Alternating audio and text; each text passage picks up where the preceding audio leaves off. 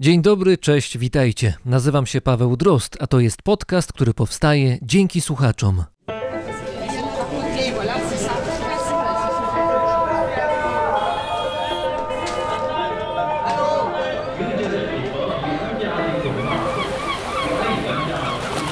Brzmienie świata z lotu Drozda.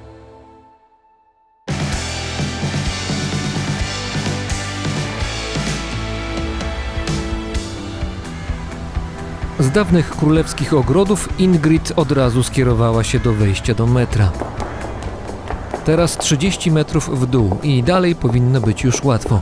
Ze stacji Kunstragorens w centrum Sztokholmu chciała przejechać raptem jeden przystanek, a potem pójść do knajpy, gdzie umówiła się z przyjaciółmi. Był piątek i ten weekend zapowiadał się znakomicie. Jednak dochodziła 20 i Ingrid była już solidnie spóźniona. Wpadła w biegu na peron Kunstragorens i uśmiechnęła się w duchu. Miała szczęście. Na stacji stał właśnie pociąg. Nie zwlekając ani chwili, weszła do środka i zajęła jedno z wolnych miejsc.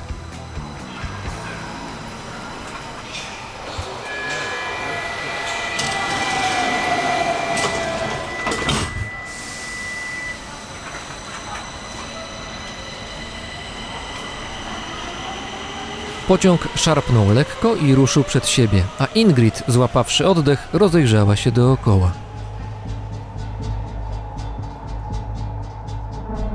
W środku nie było tłoku, chociaż większość miejsc siedzących była zajęta. Zauważyła, że pasażer naprzeciwko niej patrzy przed siebie pustym wzrokiem. Był bardzo blady. Jego policzki zapadały się nienaturalnie. Człowiek w ogóle się nie poruszał. Ingrid zignorowałaby go, gdyby nie to, że wszyscy pozostali pasażerowie w wagonie, zarówno kobiety, jak i mężczyźni, zachowywali się podobnie i mieli ten trupi wygląd. Ku swojemu przerażeniu Ingrid dopiero teraz dostrzegła kolor pociągu, którym jechała. Był srebrny. Pociąg dojechał do stacji, na której Ingrid zamierzała wysiąść, ale skład pędził dalej z pełną prędkością. Ingrid dostrzegła hamulec bezpieczeństwa i pociągnęła go z całej siły. Pociąg nawet nie zwolnił. Trudno ocenić, jak długo srebrny skład przemierzał tunele Sztokholmu, ale w końcu zatrzymał się na słabo oświetlonej stacji. Ingrid natychmiast wyszła na peron i rozejrzała się w napięciu, próbując zorientować się, gdzie jest. Na surowej, betonowej ścianie widniał napis Schimlinge. Skądś znała tę nazwę i nie miała z nią dobrych skojarzeń. Tymczasem z pociągu zaczęły wylewać się dziwne postaci i Ingrid bez namysłu pobiegła przed siebie, tam gdzie widać było metalowe drzwi. Były zamknięte. Odwróciła się. Ostatnią rzeczą, którą zobaczyła, były dziesiątki bladych postaci, które kroczyły w jej kierunku.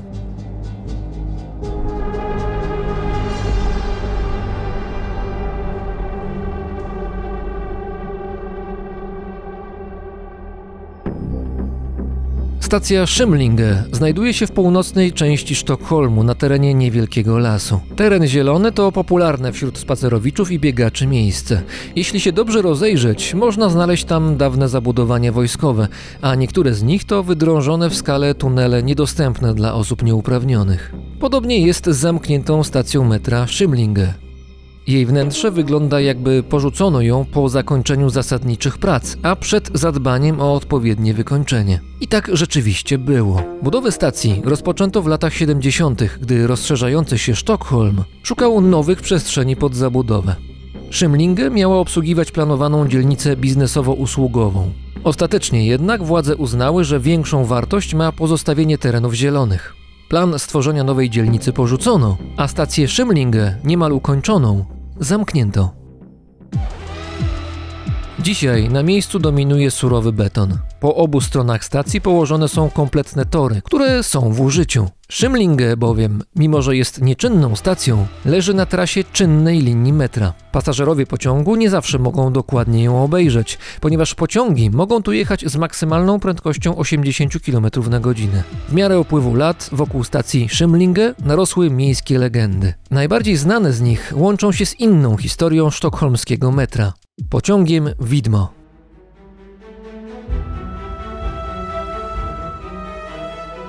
Zgodnie z popularną opowieścią, pojawia się czasem skład, który wygląda nietypowo. Wszystkie wagony są srebrne. Kto przez nieuwagę do nich wsiądzie, może nigdy nie dojechać do założonego miejsca i skończy podróż na opuszczonej stacji Szymlinge, z której nie będzie mógł się wydostać. Jak w każdej legendzie, historia ta ma w sobie szczyptę prawdy. W latach 60. szwedzka fabryka tramwajów i autobusów szynowych wyprodukowała prototyp składu metra o nazwie C5. Skład złożony był z ośmiu wagonów. W jego produkcji użyto tlenek glinu, co spowodowało, że pociąg miał ciekawy, srebrny kolor i nie musiał być malowany. W 1966 roku C5 został dołączony do służby w ramach sztokholmskiego metra, jako jedyny skład w swoim rodzaju. Ostatnich pasażerów przewiózł dokładnie 30 lat później, ale jego legenda pozostała. Srebrny skład nazywany jest srebrną strzałą. Mieszkańcy Sztokholmu znają opowieść o dziewczynie, która przez przypadek wsiadła do środka i, w zależności od wersji, albo znaleziono ją martwą, albo zdezorientowana wróciła do bliskich wiele dni później. Tajemnicze historie i legendy miejskie związane z podziemną koleją można znaleźć nie tylko w Szwecji. Londyńskie metro, utworzone w roku 1863, jest najstarszym metrem na świecie. Z kilkoma jego stacjami związane są opowieści z dreszczykiem, jak choćby ta, która dotyczy Williama Teresa. Był to aktor znany pod koniec XIX wieku ze swoich ról teatralnych zarówno w Anglii, jak i w Stanach Zjednoczonych. W 1896 roku został zasztyletowany przez swojego kolegę po fachu, sfrustrowanego brakiem możliwości występowania na scenie. Od czasu tego głośnego morderstwa duch Williama Teresa z kapeluszem na głowie jest ponoć widywany na stacji Covent Garden niedaleko miejsca zdarzenia. Z kolei na stacji Bethnal Green słyszane są głosy dzieci i krzyczących ludzi. W czasie II wojny światowej, gdy Londyn był bombardowany przez Luftwaffe, wielu mieszkańców miasta szukało bezpieczeństwa wewnątrz podziemnych stacji metra. W 1943 roku podczas jednego z nalotów duża grupa Londyńczyków próbowała schronić się na stacji Bethnal Green.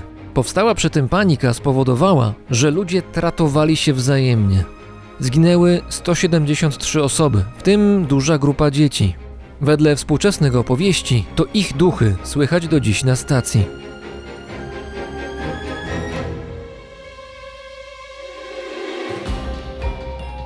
Jeśli chodzi o legendy miejskie, metro w Nowym Jorku nie jest gorsze od londyńskiego. Powstało w 1904 roku i ma co najmniej kilka stacji, które zostały wyłączone z użycia. Na niektórych z nich widziano podobno duchy. Tymczasem na działającej wciąż stacji Astro Place co jakiś czas zatrzymywać się ma pociąg widmo. Ci, którzy weszli do środka, zobaczyli wnętrze przypominające raczej bogatą rezydencję w dawnym stylu niż wagon metra.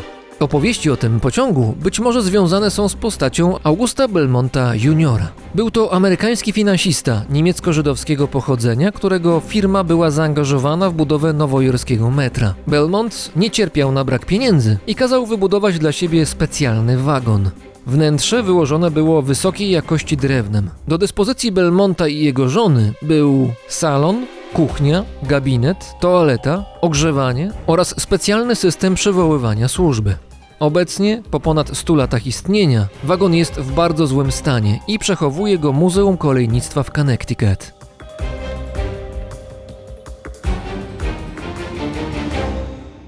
W tym odcinku usłyszycie o jeszcze jednym systemie kolei podziemnej. Tej, która przewozi mieszkańców Moskwy. Zastanawiałem się długo, czy odcinek o tym mieście powinienem zawiesić, ponieważ w chwili, gdy nagrywam te słowa, blisko 150 tysięcy rosyjskich żołnierzy stoi przy granicy ukraińsko-rosyjskiej i ryzyko wojny jest poważne. Jednak Rosja to nie tylko ci żołnierze. Rosja to nie tylko obecny gospodarz Kremla. Rosja jej stolica to przede wszystkim zwykli ludzie. Życzę im, by mogli żyć w bezpiecznym i sprawiedliwym kraju. To samo życzę też Ukraińcom, jak i nam wszystkim.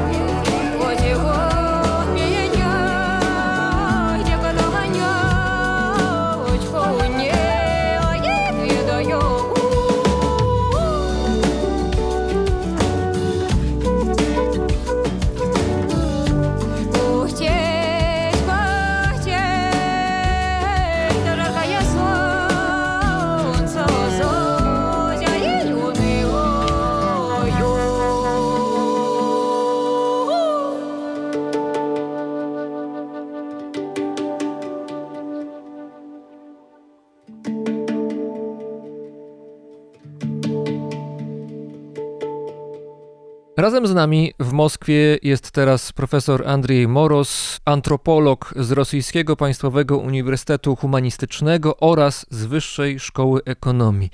Dzień dobry panu. Dzień dobry. Myślę, że praca antropologa często nam się kojarzy raczej z badaniami prowadzonymi gdzieś poza dużymi miastami, gdzieś na obrzeżach głównych społeczności. Tymczasem pańskie badania są związane głównie z miastem gigantem z Moskwą, która liczy w tej chwili, jak sprawdzałem, około 13 milionów mieszkańców. I o Moskwie będziemy rozmawiać. Częścią pańskich badań jest próba zrozumienia miasta poprzez to, jak patrzą na to miasto ludzie. I tutaj w grę wchodzi m.in. poszukiwanie w tym mieście miejsc, o których ludzie mówią, że to są jakoś miejsca nietypowe, jakoś niezwykłe, czasami mistyczne, zagadkowe, jakieś legendy miejskie są z tymi miejscami związane. I właśnie o tych miejscach chciałbym z Panem porozmawiać, bo wydaje mi się, że te miejsca są w stanie też powiedzieć nam, czym jest Moskwa jako miasto dzisiaj oraz jacy są mieszkańcy Moskwy dzisiaj. Oczywiście no, do pewnego stopnia jesteśmy w stanie to powiedzieć. Pewne jest, że w przeszłości oczywiście miasto było znacznie mniejsze niż jest w tej chwili. Przypominam, w tej chwili około 13 milionów mieszkańców jest naprawdę gigant. Natomiast to, co się nie zmieniało na przestrzeni lat, na przestrzeni wieków, to jest to, że w centrum miasta na wzgórzu od dawien dawna stoi twierdza, stoi moskiewski Kreml, serce miasta i w odróżnieniu od na przykład Wawelu czy Zamku Królewskiego w Warszawie, Kreml jest elementem żywym, no bo tam siedzibę mają rosyjskie władze i to niejako od Kremla miasto rozchodzi się na boki. Kreml jest centrum. No tak, Kreml jest centrum, miejsce nie jest zamknięte, bo tam są i muzea, i można wejść, to jest miejsce publiczne, ale tam jest władza i chyba dlatego to jest trochę takie miejsce publiczne, ale nie publiczne. Powiedział pan, że można tam wejść, ale to nie do końca jest tak, że mogę odwiedzić prezydenta Putina w trakcie jego pracy, bo on oczywiście ma, ma swoją wydzieloną siedzibę. To się nazywa bodaj Kremlowski Senat w ramach całej twierdzy, w ramach tego kompleksu. Kremlowski Pałac to się nazywa.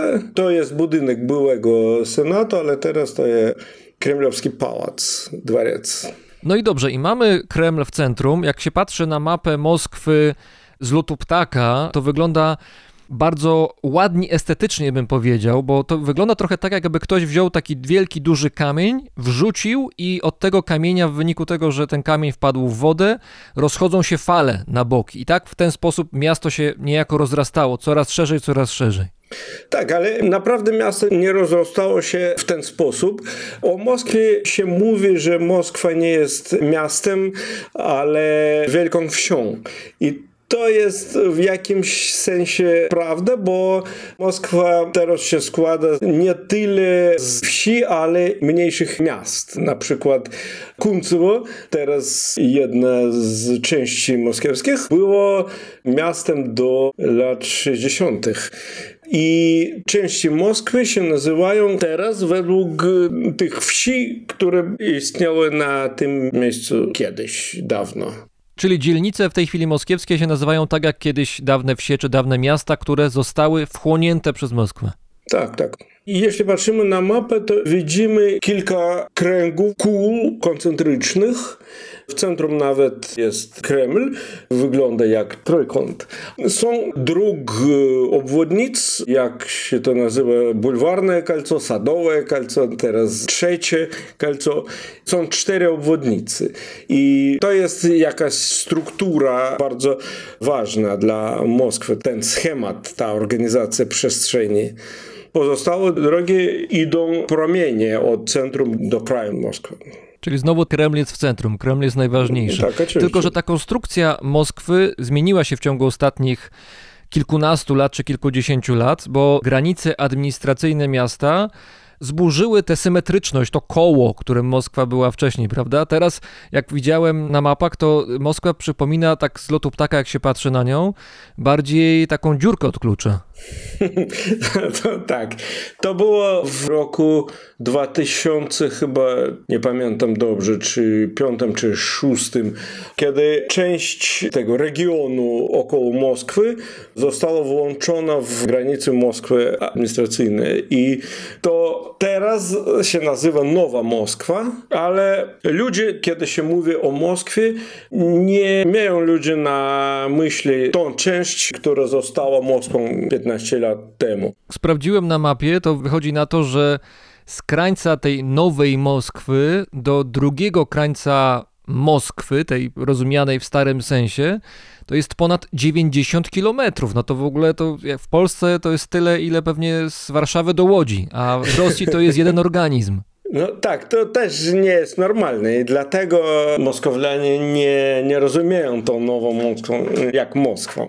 No i teraz już skoro mniej więcej rozumiemy pejzaż Moskwy, jak to miasto wygląda i mniej więcej, oczywiście w dużym skrócie, jak ono funkcjonuje, to teraz przejdźmy do pańskich badań. Właściwie ja nie do końca wiem, jakby je nazwać w skrócie, co pan bada. Czy to jest tak, że bada pan granicy ludzkiej wyobraźni, która się w Moskwie pojawia? Czy bada pan legendy miejskie? Czy, czy to w jaki sposób miasto jest wyobrażane przez mieszkańców? Proszę to wytłumaczyć, na czym te badania polegają.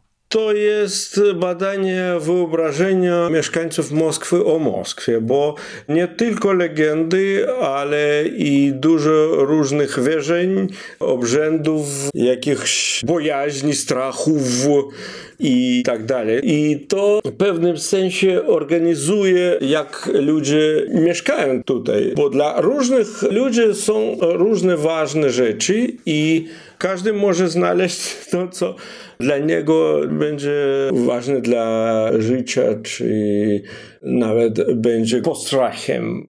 To może zacznijmy wymieniać te legendy, czy te, te strachy, które dotyczą niektórych mieszkańców Moskwy. Nie wiem, czy to jest tak, że jest taki zwyczaj u niektórych w jakichś dzielnicach, że jak wjeżdżam na jedną z obwodnic Moskwy, to nie wiem, muszę splunąć przez lewe ramię, żeby było bezpiecznie. Jak to działa?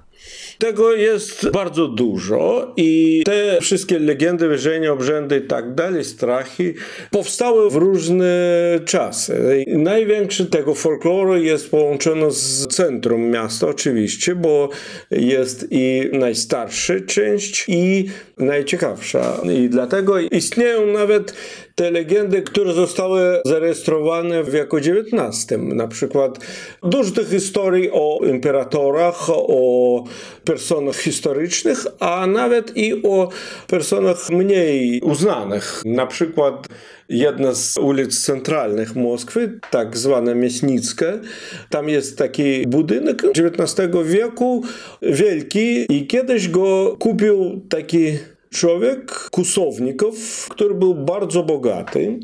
Stary człowiek, który był bardzo bogaty i miał bardzo dużo pieniędzy, ale nie chciał ich w banku i chował w domu w budynku, gdzieś w kominie. I kiedyś wyjechał z żoną, a kiedy wrócą, jego sługi rozpalili ogień, żeby gospodarze przyjechali w ciepłe mieszkanie i te pieniądze propali, te pieniądze. Spalili je. Tak. I to jest historia, którą opisał w latach 60. XIX wieku historyk Moskwy Pylajew. Ale po tym ta legenda została bardzo rozpowszechniona i dostała inne detale. Na przykład teraz się mówi, że można widzieć widmo tego kusownikowa, który chodzi po ulicy i pyta, gdzie są moje pieniądze, gdzie są moje pieniądze. I ta legenda, która najpierw była mniej więcej historia prawdziwa, została właśnie legendą z takim sensem mistycznym i bardzo została popularna w latach 90., 1990., kiedy po Związku Radzieckim dużo było wydano tych książek o takim charakterze mistycznym, czego wcześniej nie było możliwe publikować z powodu cenzury. W ogóle chyba pan dotknął ważnego elementu w naszej rozmowie, to znaczy tego, że te legendy miejskie czy opowieści, zwyczaje są jakoś związane ze światem nadnaturalnym, jakimś specyficznym, jakimś owianym tajemnicą, mistycznym światem. I tutaj być może jest też tak, że w latach 90., kiedy upadł Związek Radziecki, no dużo się rzeczy zmieniało dosyć gwałtownie, cały kraj się zmieniał, ale jednocześnie przyszła wolność. Te wszystkie ludzkie potrzeby, jakoś naturalne, żeby gdzieś z tym światem nadnaturalnym mieć kontakt, one mogły być jakoś zaspokojone. Ludzie mogli wierzyć otwarcie w różne rzeczy. Zresztą chyba jest tak, że w latach 90. bardzo wiele ruchów religijnych, czy jakiś para ruchów religijnych w Rosji powstawało właśnie wtedy, w latach 90. Tak, ale ja bym rzekł, że to było zawsze, to istniało zawsze i te wierzenie o charakterze mistycznym i te religijne organizacje, które nie były wyznane oficjalnie, ale różnica jest, że nie stało cenzury i nie stało żadnej regulacji tej części życia ze strony władzy i to jest bardzo ważne. Tak, nikt tego nie blokował. Tak, to nie było blokowane i dlatego zostało bardziej rozpowszechnione. Da? Ludzie mogli interesować się tym bez jakichś problemów. Mogli czytać i słuchać i dlatego, właśnie dlatego telewizja, dziennikarze, czasopisma, gazety, wszystko to bardzo dużo o tym pisało i mówiło. I ludzie tego chcieli. A i teraz tak samo jest, ale głównym środą rozpowszechnienia jest internet teraz. To się w tej chwili rozprzestrzenia głównie przez internet. Tak, tak, ale jest i w Rosji cały kanał na telewizji. Cały dzień ma dużo programów i ta stacja, ten kanał, pierwszy mistyczny, pierwszy mistyczny. Pierwszy mistyczny. Ale to znaczy cały czas prezenterką jest jakaś wróżka, która opowiada o różnych dziwnych historiach? Jak to wygląda? No tak, ja nie patrzę telewizji, ale ja widzę dużo tych programów na internecie. Na przykład jest bardzo popularny program, który się nazywa Bitwa Ekstrasensów. Ludzi, którzy. Chodzi o takie sytuacje, kiedy pojawiają się zdolności nadprzyrodzone, jakieś specjalne. Tak, i te ludzie przychodzą na telewizję i walczą między sobą. Ale to znaczy, to znaczy jak to przychodzi telepata na przykład z jasnowidzem i walczą na moce ze sobą? To brzmi jak jakaś bajka. No tak, tak. To muszę obejrzeć. Ale jak to się odbywa, proszę opowiedzieć? Ja nie, nie wiedziałem całego programu żadnego, ale no na przykład tak. Jest jakaś legenda, czy jest jakieś miejsce, niezwykłe, w którym być może jakaś rzecz nienormalna, jakiś kamień wielki, czy jakiś las, o którym istnieje na przykład legenda, że tam kiedyś były groby, dawne groby jakiegoś ludu, który przeklał te miejsce. I te ludzie, którzy mają nadzwyczajne moce, zdolności, moce, kilka ich, dwa czy trzy, przyjeżdżają na te miejsce razem z dziennikarzem i dziennikarz ich pyta, co w tym miejscu jest, dlaczego to miejsce ma taką, a taką reputację. I najpierw jeden, potem drugi i chyba trzeci opowiada, co on może wiedzieć dzięki swoim możliwościom, zdolnościom o tym miejscu. A później dziennikarz opowiada, co tam jest według legendy.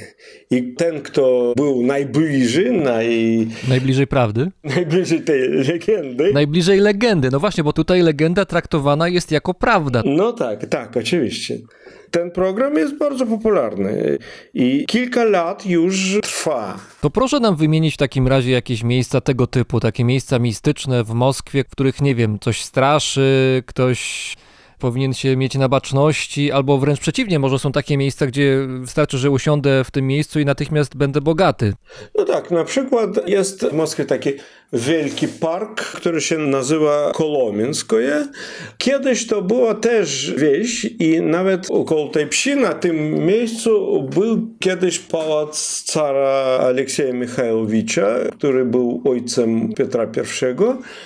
I ten pałac jeszcze nie był pałacem moskiewskim, to był pałac, rezydencja, jak się nazywa, Le, gdy wyjeżdżało się na lato na... Dacza. Tak, tak. Chyba, chyba dacza. I tam w tym parku jest wąwóz, nazywa się Golosow. Głos od słowa głos. Golosow Awrak. W tym wąwozie jest dwa wielkie kamienia. Jeden się nazywa męski, a drugi żeński. Czyli jeden kamień świętego Jerzego, a drugi nazywa się Kuń, kamień Kuń. I to jest bardzo popularne miejsce, gdzie ludzie przychodzą do tych kamieni, żeby dostać trochę zdrowia. I jeśli kobieta osiądzie na tym kamieniu, ona zostanie ciężarna, będzie w ciąży, a mężczyzny też muszą sieść na męski kamień, żeby... Żeby mieć dużo dzieci, żeby spłodzić wiele dzieci. Dla zdrowia męskiego, tak. I tam jest dużo ludzi co dzień. To jest bardzo, bardzo popularne miejsce. A trzy lata temu byłem tam ze studentami. Prowadziliśmy jakieś badania w ramach mego kursu antropologii kulturowej i znaleźli tam trzeci kamień. Kilka lat temu trzeci kamień, żeby ten system został zupełny. Męski, żeński i teraz kamień dla dzieci, dla zdrowia dzieci. Jest mniejszy i jest trochę obok, ale też tam w tym samym miejscu. miejscu. I ludzie przynoszą tam też jakieś jedzenie. Coś białe, mleko na przykład. Mhm, mleko. I chyba jogurt, nie, nie wiem. No to nie, nie wiedziałem, że jogurty mają moc magiczną. Nie, ale widziałem coś białe, coś podobne jakimś wyrobom mlecznym. A co to było, czy kefir, czy mleko, nie wiem. I kaszę. Chleb i kaszę. I ciekawe, że wszystko to powstało w początku lat 90., kiedy jakiś młody człowiek, student historyk, przyszedł do muzea. W tym parku jest muzeum. Część wielkiego muzeum historycznego Moskwy. I on przyszedł pracować w ten muzeum, pracował tam przewodnikiem i sam wymyślał to wszystko i począł to opowiadać swoim tym turystom, których przewodził. Znaczy on to wszystko wymyślił od zera? Tak, tak, oczywiście. to powstało jednej z najsłynnych, najpopularnych legend moskiewskich. Co tam jest teraz? Ludzie przychodzą z komórkami, włączają jakieś wideo na YouTube'u, gdzie ktoś opowiada tą legendę i mówi, co powinni robić na tym miejscu. I to nie jest wszystko, bo w internecie powstały legendy o tym samym miejscu, o tym samym wąwozie, w którym też jest jak się to nazywa, portal do innego. Um, do innych światów, jakieś wrota, tak? Przejście. tak, tak. Wrota do nie do innych światów, ale do innego czasu. A to do przeszłości czy do przyszłości? Nikt nie wie, może i, i do przyszłości, i do przeszłości. Nie możesz wiedzieć, gdzie, gdzie przejdziesz. Wrota niespodzianka. Tak. I ktoś opowiada, że widział tam ludzi, żołnierzy w uniformie wojny drugiej... Drugiej wojny światowej. Tak, tak. Tam zawsze są ludzie, zawsze. Co dzień, od rana do wieczora. Tylko wie pan, w Polsce też są takie miejsca, gdzieś jakieś figurki, jakieś rzeźby i tam w przewodniku, jak sobie czytamy, albo w jakiejś takiej broszurce dla turystów jest napisane, że jeżeli potrzesz tam nos tego, tego, który jest na rzeźbie, to wtedy to ci przyniesie szczęście. I rzeczywiście, jak się spojrzy na te rzeźby, to one są dokładnie wytarte tam przy tym nosie. Widać, że wielokrotnie były dotykane. Tylko dla wszystkich to jest taki rodzaj zabawy, jakiegoś trochę wygłupu, że tak należy zrobić. I wydaje mi się, że zdecydowana większość ludzi, w Polsce przynajmniej, którzy coś takiego robią, albo rzucają monetę na szczęście gdzieś do jakiejś studni, to robią tak na zasadzie takiej atrakcji turystycznej, że wiemy wszyscy, że to jest zabawa, wiemy, że to nie jest prawda, ale robimy, bo tak jest fajnie. Natomiast z tego, co pan mówi, to jest niemała grupa Rosjan, czy w tym wypadku niemała grupa mieszkańców Moskwy, którzy jakoś wierzą w to. To znaczy dla nich to jest jakoś realne. Dobrze rozumiem? Tak, tak, ale nie możemy w żaden sposób liczyć miarę tej wiary. Da? My nie możemy wiedzieć, ile każdy człowiek wierzy w coś. Panie profesorze, może trzeba zrobić takie badanie, to znaczy sprawdzić historię tych ludzi, którzy odwiedzili te kamienie, które zwiększają płodność i potem pięć lat później skontaktować się z tymi ludźmi i zobaczyć, ile dzieci się urodziło. Może takie badania. No tak, ale jest miejsca w Moskwie, gdzie to można widzieć. Na przykład jest na jednym z moskiewskich cmentarzy, który się nazywa cmentarz niemiecki, bo zaczynał się ten cmentarz jak cmentarz dla nieprawosławnych, najbardziej dla luteran i katolików, gdzie też i dużo Polaków na tym cmentarzu. I tam są takie sklepy, oj, no sklep to po polsku zupełnie inne, krypty, krypty chyba, dużo tych krypt, najczęściej właśnie na grobach katolickich czy luteranskich, gdzie teraz ludzie piszą swoje prośby co oni chcą. Prawdopodobnie to zaczęło się w czas, kiedy większość cerkwi w Moskwie zostało i w całej Rosji zostało zamknięto i ludzie zaczęli przychodzić na groby, gdzie są takie krypty czy kapeły, kapliczki, dlatego, że nie mogli iść do cerkwi. Ale kiedy to się zaczęło, nie wiem, ale ta tradycja, jestem pewien, że w latach 50. już istniała. Ale to proszę mi wytłumaczyć, jeżeli ja przechodzę w takie miejsce na cmentarz, gdzie leżą ludzie innej wiary, to jak składam prośbę, nie wiem, w formie karteczki czy w formie wypowiedzianej, tam jak jestem na miejscu, to kogo ja proszę? Proszę tych ludzi, którzy tam leżą, czy, czy jakieś A nie, nie. duchy? Nie. Teraz ludzie, którzy tam przychodzą, nie widzą różnicy między prawosławnymi katolikami. Najczęściej nie wiedzą do kogo piszą. Chcę, żeby tak się zaczynają te prośby, większość tych prośb. Chcę, żeby, ili chcę tego i tego. A o co proszą ludzie? Pewnie o zdrowie, o to, żeby rodzinie dobrze się powodziło. No tak, najgłówniejsze rzeczy. Pieniądze, zdrowie, rodzina, kochanie i jeszcze raz pieniądze.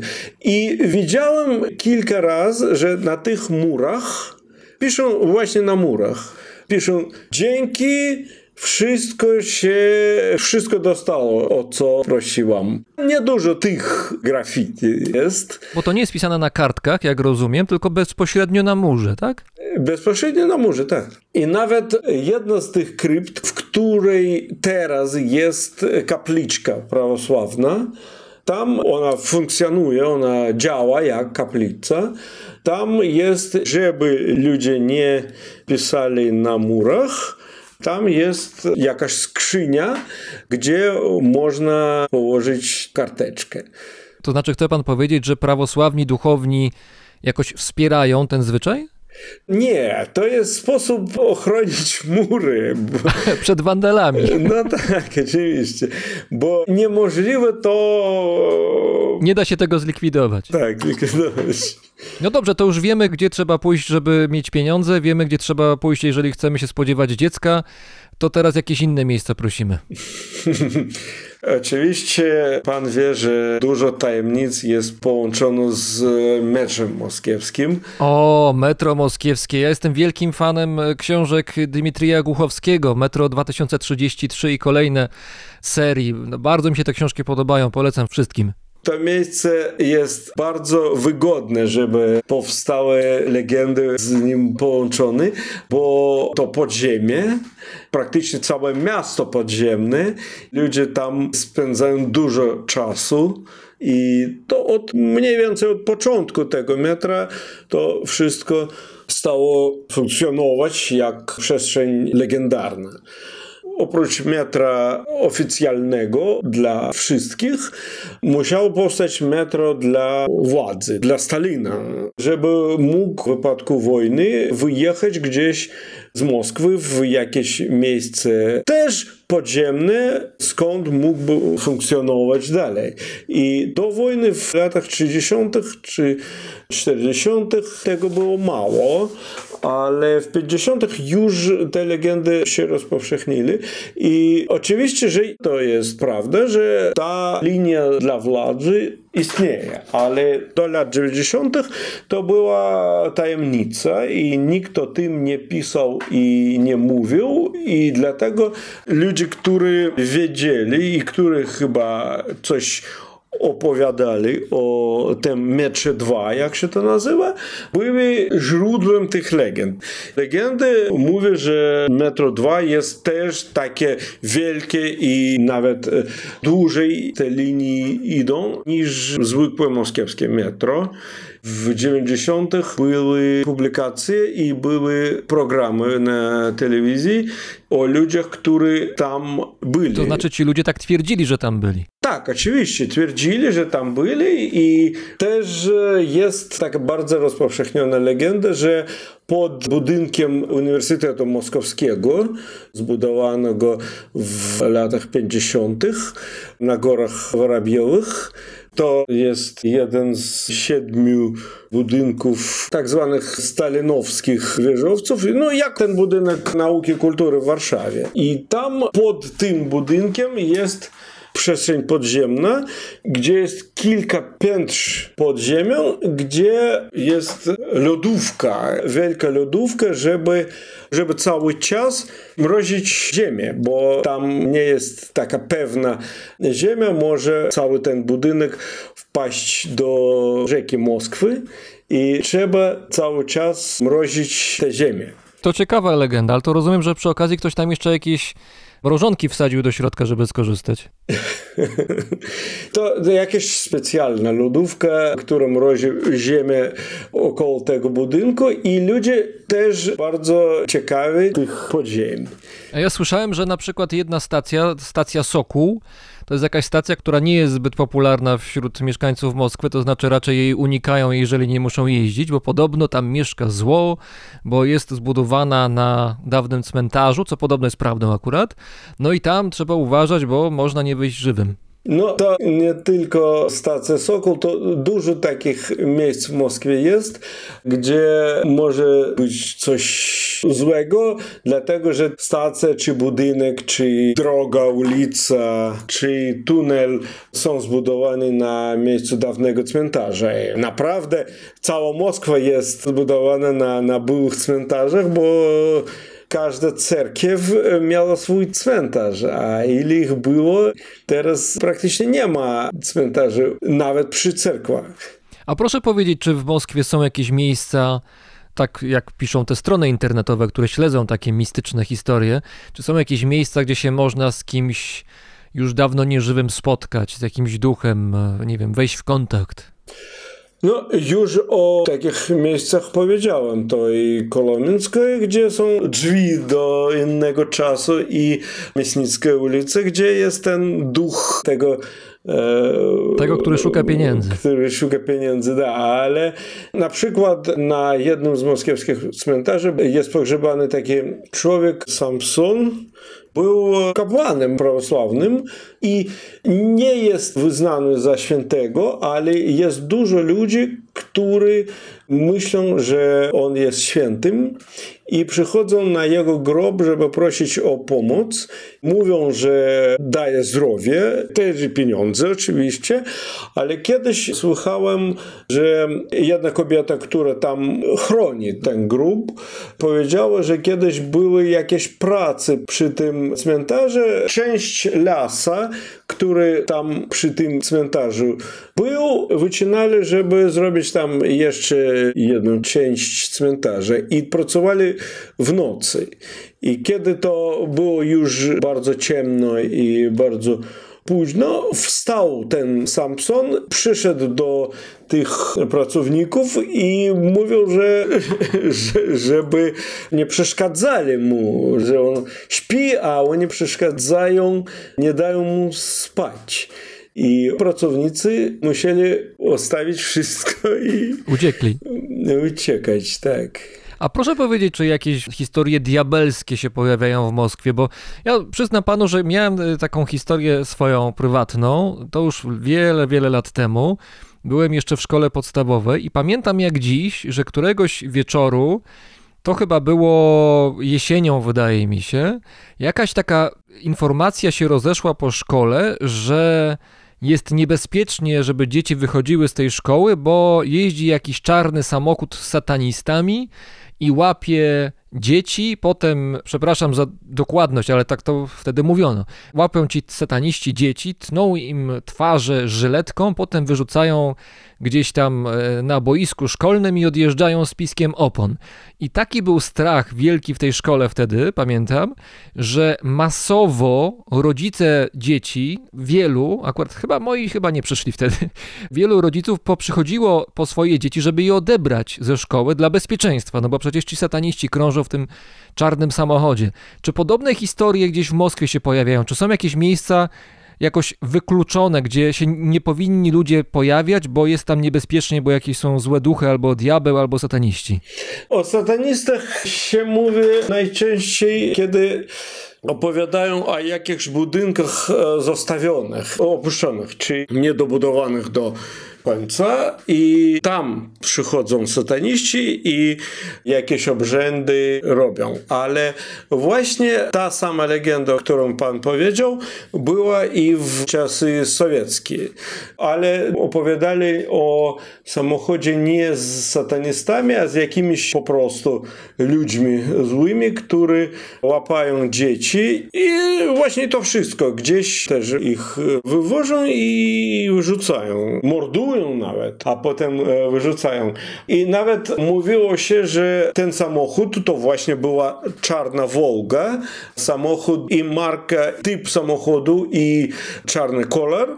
To wszystko było powiązane z władzami, bo nie, nie sprzedawali w Związku Radzieckim Wolgi w ogóle, a czarny to był kolor komunistycznej władzy. Czyli nie tylko źli ludzie, to jeszcze jacyś ludzie związani z, z reżimem komunistycznym, to już w ogóle najgorzej. No tak, tak. A na tablicy rejestracyjnej były litery SSD. Śmierć sowieckim dzieciom. Śmierć dzieciom sowieckim. Ojej. I to był, był znak taki. Można było widzieć ten samochód i, i schować się, żeby nie, nie złapali. To było w czasach radzieckich, w czasach sowieckich, a teraz czy jest coś podobnego? Teraz tak, ale bez tych detali. Naprawdę to jest rozpowszechnione po całemu światu legenda, że ludzie łapają dzieci, żeby narząd, e, tak? Żeby wycinać narządy? Wycinać jakiś narząd, tak. I pierwszy, kto o tym pisał, był amerykański folklorysta Alan Dundes. To było jeszcze w latach, e, jeśli dobrze pamiętam, 60., 1960., kiedy e, złapali jakiegoś chłopca, a za kilka dni został znaleziony w lesie, żywy, ale nic nie pamiętał, a w kieszeni miał jakieś pieniądze i kartkę, gdzie było pisano dziękuję za nerką. Za nerkę, czyli rozumiem, że nerkę temu chłopcu wycięli, ale to jest legenda, prawda? To nie jest fakt. Oczywiście. I ta legenda jest bardzo rozpowszechniona i naprawdę dużo ludzi wierzą, że to naprawdę tak. Najbardziej takie legendy o niebezpieczeństwu dzieci są popularne w różnych czatach rodzicieli, rodzice tych dzieci, które idą do szkoły. Każdy klas u, nas teraz, no myślę, że i w Polsce tak samo, rodzice mają między sobą komunikację przez. Tak, gdzieś są jakoś połączeni jakimś komunikatorem czy na Facebooku, żeby byli w kontakcie cały czas. Tak, i bardzo często piszą o tym, że uwaga, w naszej dzielnicy teraz są ludzie, którzy łapają dzieci i wywożą w samochodzie gdzieś. Przyjaciel mego synu mu opowiedział, że to było z nim i tak dalej, i tak dalej. Proszę powiedzieć, czy w ogóle możemy spróbować zrozumieć, z czego wynika popularność tego sposobu myślenia? To znaczy, czy to jest tak, że ludzie lubią się trochę bać. No, lubimy oglądać horrory, jak coś jest straszne, to jest ciekawe, nawet jeżeli jest straszny. Czy to wynika bardziej z tego, że mamy przekonanie, że nie wszystko da się wyjaśnić, w związku z tym pewne rzeczy, które gdzieś się dzieją wokół nas, jakieś historie niesamowite przyjmujemy jako potencjalnie prawdziwe. Dlaczego to dalej jest żywe po tylu latach? No, ludzie przez internet, czyli przez ewidentną emanację nauki i techniki, piszą o rzeczach nadprzyrodzonych na przykład. Dlaczego tak jest? To, że ludzie wierzą w jakieś nadzwyczajne rzeczy, nie zależy od rozwoju nauki, techniki, od własnego wykształcenia, edukacji. Chce pan powiedzieć, że ludzie z wyższym wykształceniem też idą do tych kamieni, żeby tam się o dziecko postarać poprzez błaganie kamienia, czy... Myślę, że i to jest możliwe, ale każdy ma swoje wierzenie, swoje nadzwyczajne. Na przykład jest dużo tych prognostyków, kiedy kobieta jest w ciąży, jest dużo prognostyków, kto się rodzi, czy chłopiec, czy dziewczyna, to może wiedzieć, patrząc na przykład na brzuch kobiety. Czyli są jakieś znaki, po których możemy rozpoznać, jaka będzie płeć dziecka. Tak, no na przykład, czy jest okrągły, czy jest taki dłuższy. Kiedyś słyszałem sam, jak lekarz mówiła, właśnie mojej żonie, mówiła lekarz, że będzie chłopiec, dlatego że ma brzuch taki długi była lekarzem. Powinna była wiedzieć, że to nie jest rzecz medycyńska. Medyczna. Medyczna, tak. To nie zależy od edukacji, to zależy chyba od psychologii, a potem od tradycji, bo każdy człowiek jest częścią grupy społeczności i on może nie wiedzieć, że on jest częścią tej społeczności i kultury tej społeczności, ale w pewnym wypadku on będzie robił, myślał, wierzył w to, co e, jest ważne dla tej społeczności. To przypomniała mi się tutaj historia, jak pan teraz to powiedział, o której mi opowiadał pewien lekarz w Butanie, kiedy tam byłem lata temu. I mówił mi o tym, że jako młody lekarz, kiedy urodziła jego żona i no, on tam się nią opiekował krótko po porodzie, razem z nią pił alkohol miejscowy. I mimo, że wiedział, że nie należy tego robić, że, że matka młodego dziecka, która jest matką karmiącą, nie powinna pić alkoholu, to on ją nawet do tego zachęcał i sam z nią pił, dlatego że taki był zwyczaj. Tak się w Butanie robiło, że matka dwa tygodnie mniej więcej po urodzeniu dziecka powinna raczyć się delikatnym takim, powiedzmy, piwnym alkoholem. Wiedział jako lekarz, że nie należy tego robić, że absolutnie jest to niedobre, ale zwyczaj to zwyczaj, tradycja to tradycja. No tak, oczywiście. A miasto, wielkie miasto jest też miejsce, gdzie są razem dużo różnych społeczności. Tradycje, te zwyczaje są częścią tożsamości społecznej, kolektywnej. Chce pan przez to powiedzieć, jak rozumiem, że gdyby nagle w Moskwie wszyscy przestali wierzyć w te, te rzeczy, o których pan wspominał, no to Moskwa nie byłaby już Moskwą. No, każde miasto ma swoją tradycję i ludzie nie byliby tymi, którymi są teraz. I to jest rzecz zwykła, kiedy jakieś stare miasto czy stara dzielnica ma jakieś historie o przeszłości, kiedy ktoś kiedyś coś tam zrobił i dlatego ta stara dzielnica, to miasto jest takie, jak ono wygląda teraz. Ale kiedy się buduje nowa dzielnica i 20, 30, 100 domów budują się i wszyscy są podobni nie ma żadnej różnicy i ulice są podobne i dwórki są podobne. Jak można mieszkać w tej dzielnicy? To jest obowiązkowo, żeby człowiek mógł tam mieszkać, muszą powstać jakieś legendy, jakieś miejsca straszne, jakieś miejsca mistyczne i tak dalej, bo to jest taki rodzaj portretu miasta, portretu dzielnicy. Czyli chodzi o taką sytuację, gdzie jeżeli mamy dzielnice czy wielkie osiedla, które wyglądają dokładnie tak samo, jeden budynek podobny do drugiego, to my mieszkając tam musimy je jakoś zróżnicować, szukać jakichś elementów specjalnych, ponieważ ich nie ma, to je tworzymy. No oczywiście, tak. Panie profesorze, na koniec, y, pańskie ulubione mistyczne miejsce w Moskwie, do którego pan przechodzi, gdzie zostawia pan karteczki z prośbami o pieniądze, o zdrowie i i inne rzeczy. Ja tylko czytam tę karteczkę. No dobrze, to w takim razie ulubione miejsce, gdzie pan nie zostawia karteczek, ale jednak pan to miejsce lubi. Ja mieszkam niedaleko cerkwi, gdzie został cmentarz, mały, ale cmentarz i tam jest grob takiego bardzo słynnego moskiewskiego jurodziwego, jak, ja nie wiem, czy jest słowo po polsku, e, jurodziwy, A, boski szaleniec, boski szaleniec. szaleniec, tak, który żył w wieku XIX, zmarł w 1961 roku, zwał się Iwan Karejsza.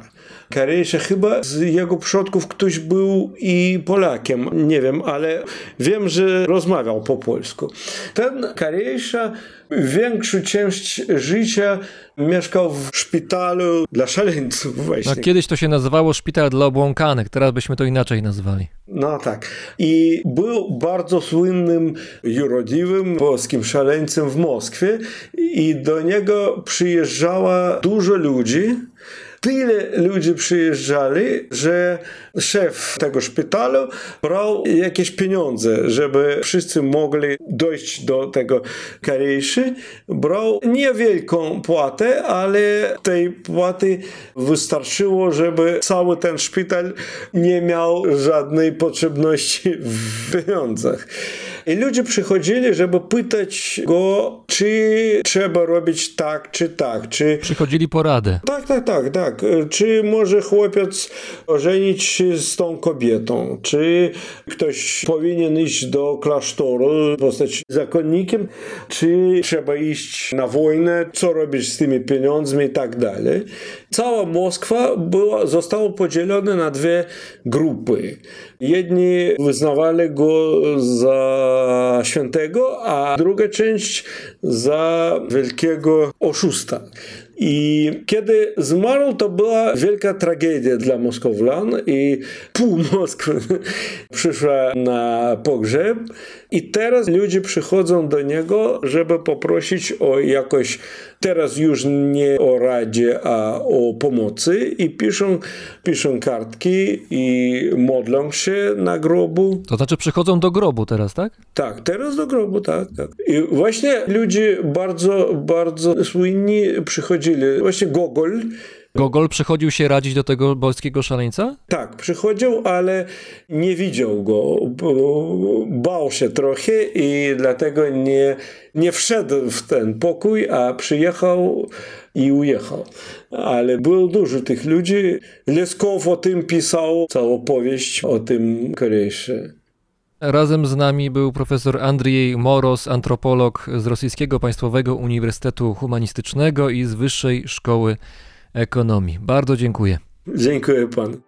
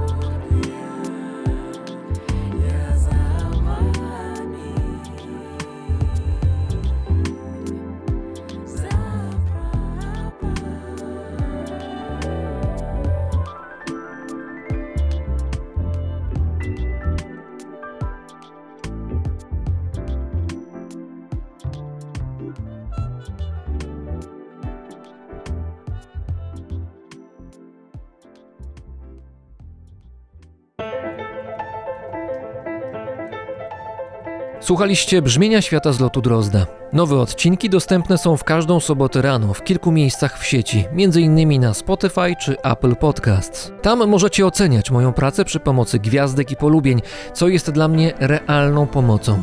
Brzmienie Świata powstaje dzięki wsparciu słuchaczy na patronite.pl i za to wsparcie niezmiennie, z niesłabnącą mocą serdecznie dziękuję.